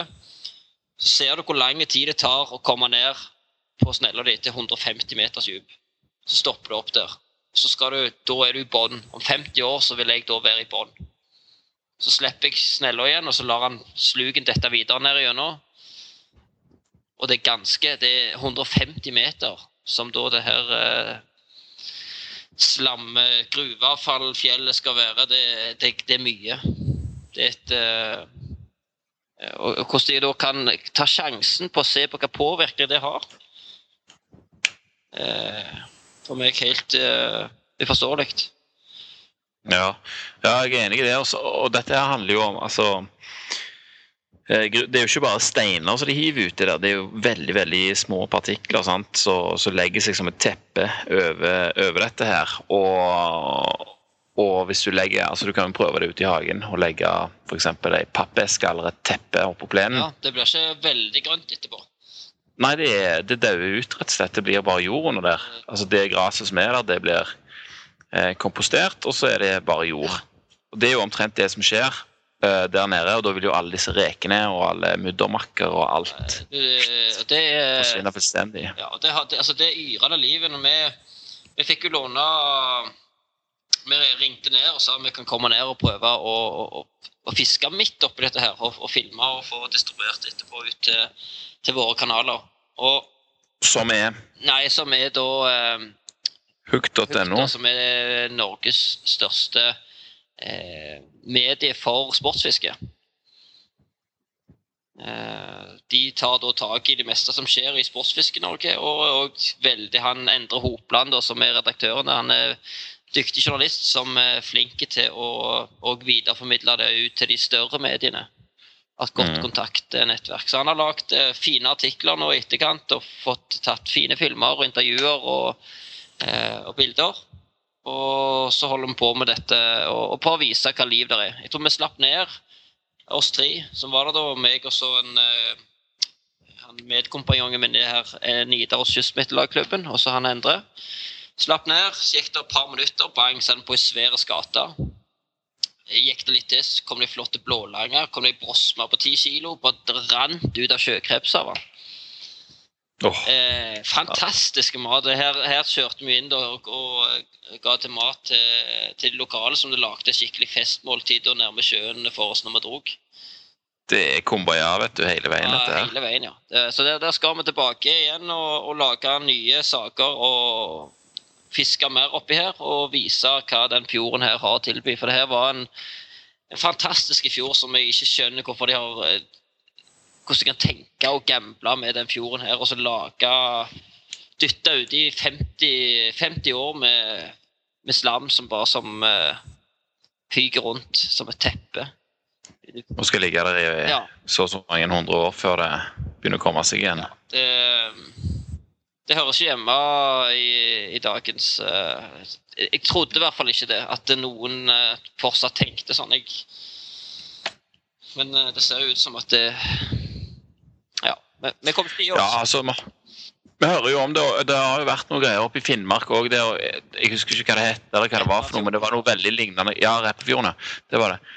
Og veld, veldig lignende. altså Det er liksom, det er så lite folk som bor der, og liksom, ja, det er ikke noe særlig uh, mye motstand egentlig sånn generelt sett å få. At det, ok, her kan man bare kjøre et stunt og dra ut uh, Jeg tror det var kobber det var snakk om der oppe. Ja, det, det stemmer nok. Og det, nå, der blir det jo òg Der er det jo mye støy nå. Eh, fantastiske sjøørretbestander og slikt der oppe. Jeg, sånne type verdier eh, Og det, det virker iallfall for meg som at de lokale ikke blir hørt. Eh, hele det lokalsamfunnet vi prata med, det, det, var ingen, det var ingen som ønska dette her. Og eh, at det bare skal komme komme politikere inn og gi, gi et, eh, det her eh, gruveselskapet lov til dette midt i ja, i det miljøet de, de bor i. Det her, dette er jo Førdefjorden er jo ikke akkurat en sånn en, uh, fjord som ligger sentralt eh, rett utenfor Oslo. Det, det ligger litt, uh, litt utilgjengelig til. Og folk som har bosatt seg her, det er jo stort sett folk som som elsker det å leve i Leve med å høste av naturen og, og, og leve fjordlivet, rett og slett. Ja. Ja, altså, vi kan jo alle, uansett hvor vi bor henne, se for oss at eh, det nærmeste vi har av vann eller sjø, skulle bare bli uh, tilintetgjort omtrent. Eh, Ofra. Ja, sant? Altså, Da kan vi jo lett forstå hvordan de har det der oppe, og hvorfor det er så viktig. Og Dette her er jo noe som skjer akkurat nå. Jeg så bare på Facebook i dag vel at det var folk som lenka seg til Ja, natur Maskiner og greier der natur og oppe. ungdom har eh, Det er vel tiende dagen i dag de har holdt på. Eh, og eh, så er det da De er jo så flinke lokalt. Når vi kom ned der, så ble vi bare møtt av eh, Dette var da i, i fjor høst vi var der. Og da var det Det var skilt og engasjerte folk overalt. spurte vi om noe, så kom, kom det folk eh, hoppende ut fra en busk og hadde en, en mening og et kampskilt. og en, Det er virkelig eh, folk som, som, bryr seg lokalt. Ja, eh, Har du noen plass folk kan gå hvis de vil lese litt mer om det, eller sjekke litt og kanskje bidra? Eh, ja, skal vi se Vi har jo denne eh, Facebook-sida som heter Fisk for Førdefjorden. Ja. Så hva var den andre hette? Skal vi se det er en, er også en gruppe som heter Nei til gruveavfall i norske fjorder. Ja, den er jo eh, Da får du vel dekka Der eh, får du dekka veldig mye. Der, eh, der kommer det inn egentlig alt slags av, av nyheter. Og ja, nå de siste, siste, dagene så har det jo vært veldig mye oppdateringer der med, med folk som legger ut eh, filmer. Nå var det jo I går så var det jo en rett utfor, altså over det deponiområdet, da, så var det en flokk med, med sånne killer whales. Heter for noe spekkhogger. Som uh, dansa forbi der inne i en speilblank fjord. Uh, som da er inne her og jakter på de silda bestandene som er her inne. Ja. Fantastisk flotte, flotte videoer og syn, og sånne ting det er ikke sikkert at det er, hører til fremtida. Altså hvis, eh, hvis silda forsvinner der inne, så er det ingen grunn til at spekkhoggeren skal stikke den i fjorden der. Nei, den silda er, den er ganske viktig for, eh, for, det meste som skjer langs kysten, egentlig. Ja, det er, det er viktige, viktig, viktig nøkkelart i, i de marine systemer. Jeg, jeg, så en eh, Jeg er veldig fan av å så søke meg inn gjennom i NRK sitt arkiv og finne masse sånne rare filmer som du gjerne ikke som gjerne har gått på TV en gang, og, og så har han bare gjort det. Men jeg så en, en sånn, eh, et program om silda der en gang, og hvor sinnssyke mengder med sildeegg det faktisk er. Jeg husker ikke hvor mange ganger Norges befolkning i vekt var med, med sildeegg rett og slett som blir lagt langs eh, norskekysten, men det er jo det som er grunnlaget for det aller aller meste som skjer videre ut gjennom våren. Det er inn på hytta til, til, min far inne i Nerstadsfjorden. Eh, der i Ryfylke. Der er det eh, en sånn plass så silda trekker inn, og så legger han det som et enormt teppe med denne sildarogna. Ja. Eh, og i den perioden Og sildarogna er jo bare Det er jo den beste rogna, ja, vil jeg si iallfall. Den, er den, den står høyt, ja. Ja, det er størrelse på den, og han er liksom oh. Ja, ikke minst, men det er så viktig mat òg. Altså, eh, når det da kommer inn skulle, altså Det som, som, dukker opp av størrelser og mengder og, eh, og arter på den plassen hans eh, når eh, silda kom inn, helt enormt. Da går han ut og så henter han helt vanvittige fisker som du ikke tenker fins inne i Ryfylke. Svære, svære dyr som da trekker inn. Eksempel? Nei, nei, Store, flotte lysinger og skater og kveiter og torsk og sånn som det er solide størrelser på. Som, som, vanligvis holder seg langs kysten, gjerne, for inn i Nesstrand det er jo et stykke innover. Ja, det er det. Og uh, uansett så mye, men når noe sånt som dette her skjer, så er det tydelig at det er, en, eh, det er rett og slett en happening. Det er såpass mye verdi for fisken å, å meske seg i denne rogna, eh, for det er næringsrikt. Så da, så da, tar de turen inn der, og de vet da at uh, her er det en plass sild å komme inn. De vet ca. når han gjør det. Så trekker fisken inn der disse tidspunktene. Uh, og Det vet òg han far, og da går han ut og henter seg det han er en del av gjengen, han òg. ja. ja, det er herlig, altså. Det er jo sånn, eh, det er jo sånn folk eh, her langs norskekysten har fiska i eh, all den tid. Vi har bodd her siden isen trakk seg tilbake. Det har jo fulgt, fulgt sild og fulgt skreien og, og, dette her. Det er jo det det handler om. Det er med en, en fiskenasjon. Ja. Og eh, en fiskenasjon de har jo selvfølgelig òg sin egen eh, Hva skal en kalle det? Jeg, husker du sa det så fint sjøl òg. Eh, sportsfiskernes versjon av Oscar-utdelinga.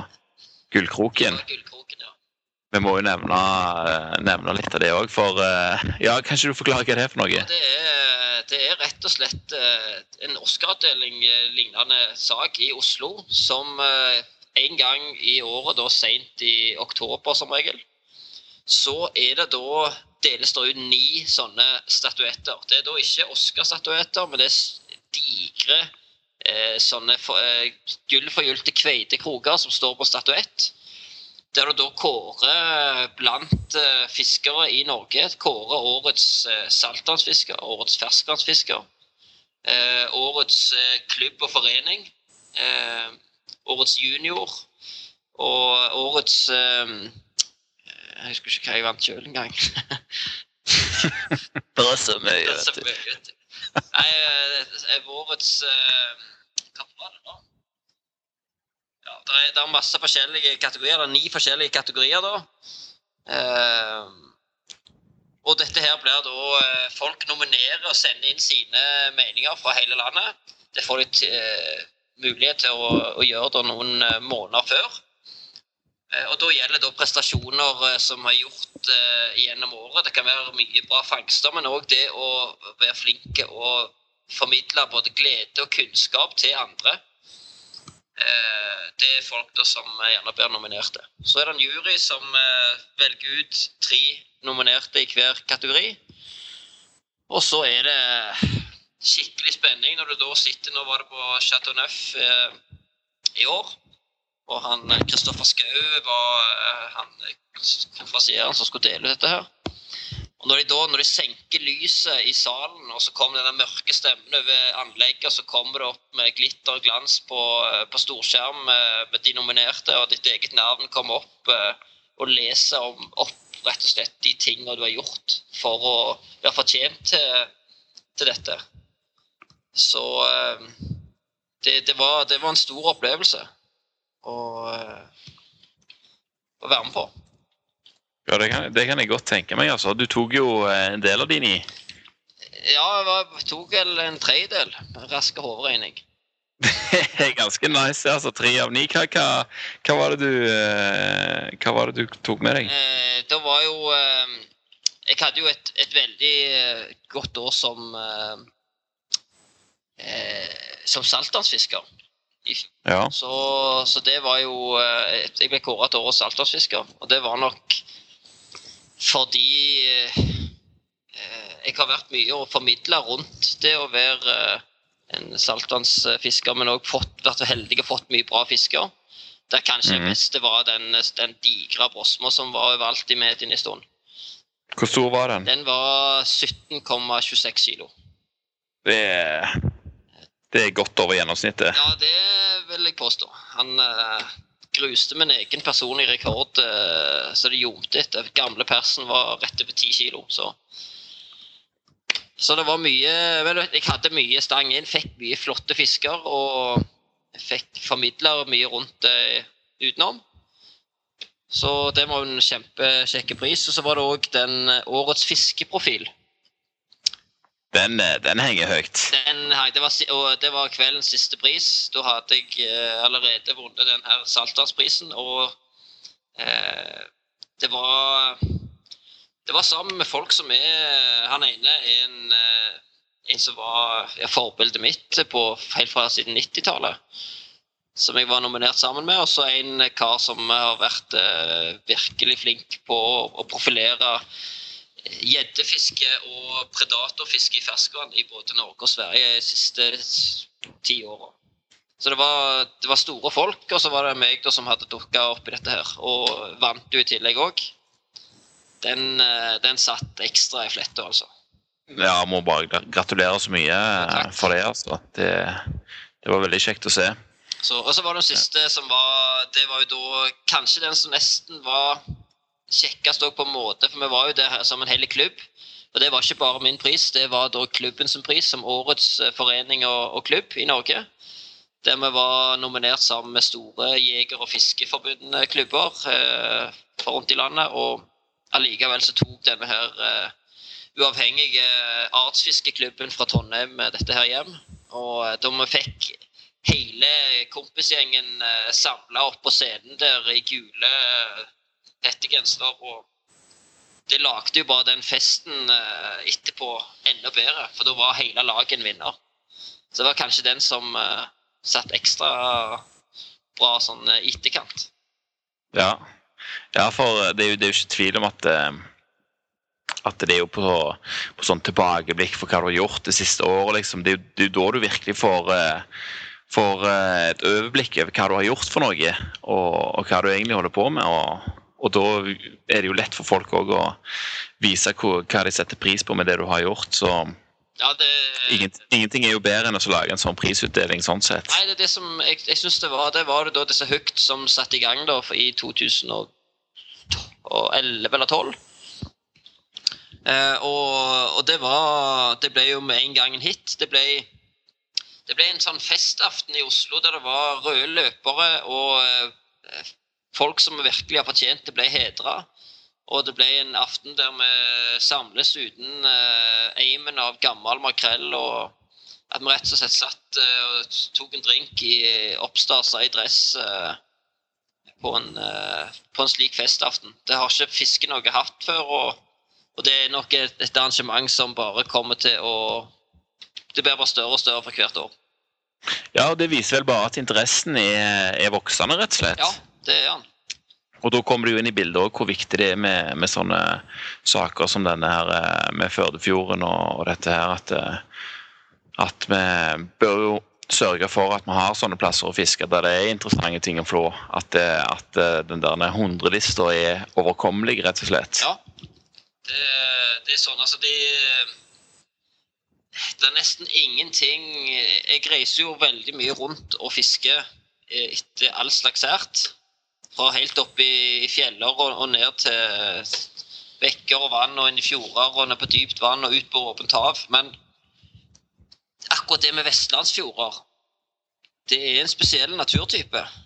Du, når, du, når du får de gjerne stille vårdagene i en vestlandsfjord eh, det, det er spesielle lukt, for det er alltid liksom, det er fuktighet pga. fuktigheten som ligger over fjellene på, som på sida. Så blir det sånn litt sånn rå luft. Eh, så hører du den der Det er så, så rolig, og så blir det eh, Lukter spesielt av den, de tretypene som er typiske i, i Du tenker inn i Ryfylke, f.eks. Og så renner det jo Mhm. alltid vann nedover fjellsidene på de bratte fjellsidene, så du hører den sildringa. Eh, det er noe spesielt med vestlandsfjorder. Så er det òg De er dype, de er artsrike, og du får mye flotte både matfisk og fiskeopplevelser. Så eh, det er det, det jeg setter mest pris på av norsk natur, det er vestlandsfjorder. Det, og du er jo ikke bias i det hele tatt. Du Du kommer jo derfra. Ja. Men eh, jeg, jeg, jeg, kan jo bare, jeg kan jo bare si meg helt enig uten å legge noe mer til. Er det, er det noe annet du, eh, du liksom har eh, engasjerer deg for for tida, enten på jobb eller på fritid? Liksom, hva, hva mål har du for 2016 f.eks.? Ja, målet 2016 eh, Jeg kommer nok til Vi skal ikke være med i dette her som er NM i sportsfiske. Det vant vi som lag nå i 2015 og i 2014. Å ja, ferdig med det. Ja, eller det Jeg har rett og slett lyst til å gjøre litt andre ting i år, for det tar mye tid. Eh, for det er en konkurranse som varer fra 1.1 til 31.12. For hver fisketur du er på, så kan du potensielt få en fisk da, som er NM-fisk, som det kalles. Ok, hva er det? Hvordan bestemmer du hva, for, hva som er NM-fisk? Nei, det er alle fiskeartene i landet. Eh, De ti største individene av hvert enkelt art kan du da melde inn. Ok, ja. Så da, Ja, da eh, den som får den største torsken av alle i Norge det, i slutten av året, den får da ti poeng for den torsken. Og så ni, åtte, syv. Så har du lov å melde inn to fisk per art. Eh, og så gjelder det da å få så mye poeng som mulig. Så da må du fiske vanvittig allsidig, og du må fiske mye små eh, fisker som du egentlig har fiska mer eh, enn nok. Eh, som ikke er noe særlig utfordring i seg sjøl, men det kan ta tid å få det akkurat den ene store. Så du må bruke mye tid rett og slett på det. Ok, Så for deg som er godt opp, eh, godt over 100, så er det det er litt for, du, du er ute etter mye mer eh, spissa Ja, akkurat, akkurat nå så er vi har eh, Det går en del tid til faktisk det å, å formidle om hva artsfiske er, og, og reise litt rundt og ha foredrag. Ja. For, at, for å få med andre til å begynne med dette. For å få mer fokus på, på artsdiversitet. For det, folk vet altfor lite om hvilke muligheter de har rett utenfor stuedøra. Det var akkurat derfor jeg ville snakke med deg òg i dag, altså, for å, for å understreke det litt. Grann. Ja. Det, det- det er enorme muligheter. eh, Både det som eh, altså, Turopplevelsen, fiskeopplevelsen, den kan være virkelig nært døra. Eh, Jeg aner jeg synes at i går Jeg bor jo i, i en, en storby til være Norge, i Trondheim. Men jeg stakk ned i går kveld. Eh, Kjeda meg litt. Kjører jeg bare rett ned midt i sentrum. Og fisker da etter lys, og plutselig finner jeg all slags sånne rare, små, kule arter. Eller så kan jeg hive ut litt agn og få større fisk. Sjelden jeg spiser fisken helt eh, Eller jeg spiser fisken helt inne i sentrumsbassenget, men eh, du får mye fisk der òg. Hvis, hvis du bare gjør det. Mm. Hvis du da f.eks. skal gå og hente noen arter. Og Samtidig også er det, det er aldri lang vei til, til å hente seg eh, sin egen fisk eh, til middagstid heller. Ja, Du kunne jo bare kjørt sikkert fem minutter lenger, så hadde du hatt en plass der du kunne fiske spiselige. Helt, eh, helt rett. Så Så det òg er jo en sånn Det er jo en kongeting å hente seg sin egen mat. altså Én ting er å gå i butikken og kjøpe det. Det er veldig enkelt, og det er veldig billig, Ja. og det tar kort tid.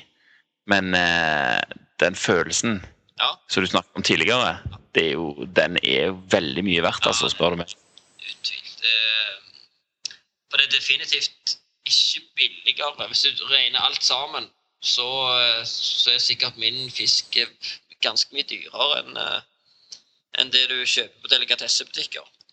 Ja, Men hvis du da ser på hva du får igjen for det, så eh, begynner det å balansere seg ganske greit igjen. Ja, for det, det, jeg, det som er, jeg bruker jo kanskje unødvendig mye tid på eh, sære turer og eh, sært utstyr. Og det er jo sånn Når det blir en veldig interesse det er Hvis du får superinteresse for bil, så, så kjører du ikke rundt i en eh, Avensis. Og Nei. da prøver du til å kjøpe noe unødvendig eh, opplegg, for dette du, de gir deg så mye mer. Eh, akkurat det å, å ha det, det utstyr som er perfekt til det jeg driver med, det er viktig for meg, det òg. Mm. Men jeg, ser, jeg ser egentlig bare på den fisken jeg får som mat, det er en bonus av en fantastisk hobby som jeg eh, storkoser meg med, uavhengig av maten. Maten er bonus. Maten er bonus, og opplevelsen er det du er ute etter. Jeg, jeg jakter de ultimate fiskeopplevelsene. Ja. Og eh, som sagt, det var derfor jeg ville snakke med deg òg. For dette her syns jeg er Jeg synes det er så konge, liksom. Jeg, jeg vil at dette her skal spre seg litt. Jeg har lyst til å begynne med dette sjøl òg. Og fiske litt arter og være litt mer interessert i hva som finnes her. For eh, det blir bare mindre og mindre ting i, i butikken, i alle fall. Det er noe helt sikkert. Og det blir eh, mindre og mindre interessant for folk å tilbringe tid i naturen utenom det som er helt vanlig. Så, så vi trenger litt mer sånn allsidighet, føler jeg. og og det er du med på å bidra Ja, det, eh, til. det, er jo, det, gjør, det gjør jo at eh, det presser deg òg til, til, å til å dra på litt uh, andre plasser. Altså, jeg er jo ikke sånn I utgangspunktet av natur så er jeg ingen uh, atlet som ønsker å, å virkelig tøye kroppen med å, å gå langt eller uh, ligge ute sykt lenge. Men akkurat eh, bare av eller hamra hamre opp på mange hundre meter sveiving time på time på time med tunge ting i andre enden. Jeg er jo ikke bygd for noe av det sånn egentlig. Skjer allikevel. Men uh, det er Det er så kjekt, det som, eh, som trekker deg til dette, at det, alt det, du tenker ikke på det. Eksempel når jeg fikk sånn eh, håskjæring, som er da en sånn svær eh, hai på det, Min var en, en liten til hver arten på 170 kilo. Ja, nettopp. De kan jo bli gigantiske, de der. Og eh, når eh, den, den fighten opp der Jeg var jo Det var virkelig tungt. Fra, fra 600 meters dyp. Eh, og når det store dyret kom opp, det var først da jeg skjønte, etter da en, en snau time, at det, hvor trøtt jeg var. Eh, og kompisene mine kunne ta over fisken og bare og, og få tatt av kroken, målt lengden og slippe den eh, ut igjen. Men det var da Mm. jeg skjønte hvor ødelagt jeg var. Du du har så adrenalinkick eh, at uh, jeg merka ikke betyr, at jeg sto i det. krøkkete, posisjon. Uh, Der jeg uh, tok den tynne ryggen min og kjørte den skikkelig. Det Ja, men det var verdt det. Det er god gangsperr dagen etterpå. Ja, to uker etterpå så var jeg en pinne. Men uh... Og resten av den fisketuren da tok jeg bare vekk stanga For da hadde liksom jeg fått min hai og min opplevelse. Da lente vi bare tilbake med ei ei flaske sjampis i armkroken og bare lå der og koste meg. eh. Og så eh, og lot nestemann ha større sjanse til å få den opplevelsen. Og da fikk vi da nesten hele gjengen, og det var en vanvittig tur. Et syke dyr. Vet du hva, jeg håper det blir mange flere turer med, som ender opp med en eh, sjampis i armkroken for deg, og at uh, denne lista bare vokser og vokser, og at interessen for dette her eh, fortsetter å stige. Så Ja, det, det er det som er planen i år. Det er formidle enda mer og få interessen til folk å stige. Samtidig som jeg skal bruke mer tid på kvalitet. Det vil da si enda mer etter de sære artene. Kanskje ikke så mange, men eh, virkelig prøve meg på eh, Og får jeg til da én, kanskje to av de i løpet av et år, så er jeg jo kjempefornøyd. da må jeg jo bare ønske deg masse lykke til med å oppnå det. Det er jeg sikker på du klarer. Og så må jeg òg bare si tusen takk for at du stilte opp og kunne forklare oss alt om artsfiske osv. Det, det setter jeg veldig stor pris på. Bare hyggelig. Så eh, må jeg jo bare si at eh, jeg må bli med deg og fiske en gang. Jeg har tenkt meg opp til Trondheim en gang, og da er det ikke tvil om at Det, Det er bare å ta, ta kontakt, og så blir det med ut i blank pøl. Ja, det hadde jeg. eh, Og, og som jeg har sagt tidligere, drømmen er en skolehest. Ja. Om jeg ikke klarer å få den her i, i Saudafjorden i løpet av året, så, så kanskje vi kan, eh, kan få det til der oppe. Ja, da skal jeg ta deg med ut på hotspotene til skolest. Gleder meg i hæl. Glimrende. Men da sier jeg bare igjen tusen takk, jeg, og så, og så ser vi når tid vi snakkes igjen. Det gjør vi. Fine mann.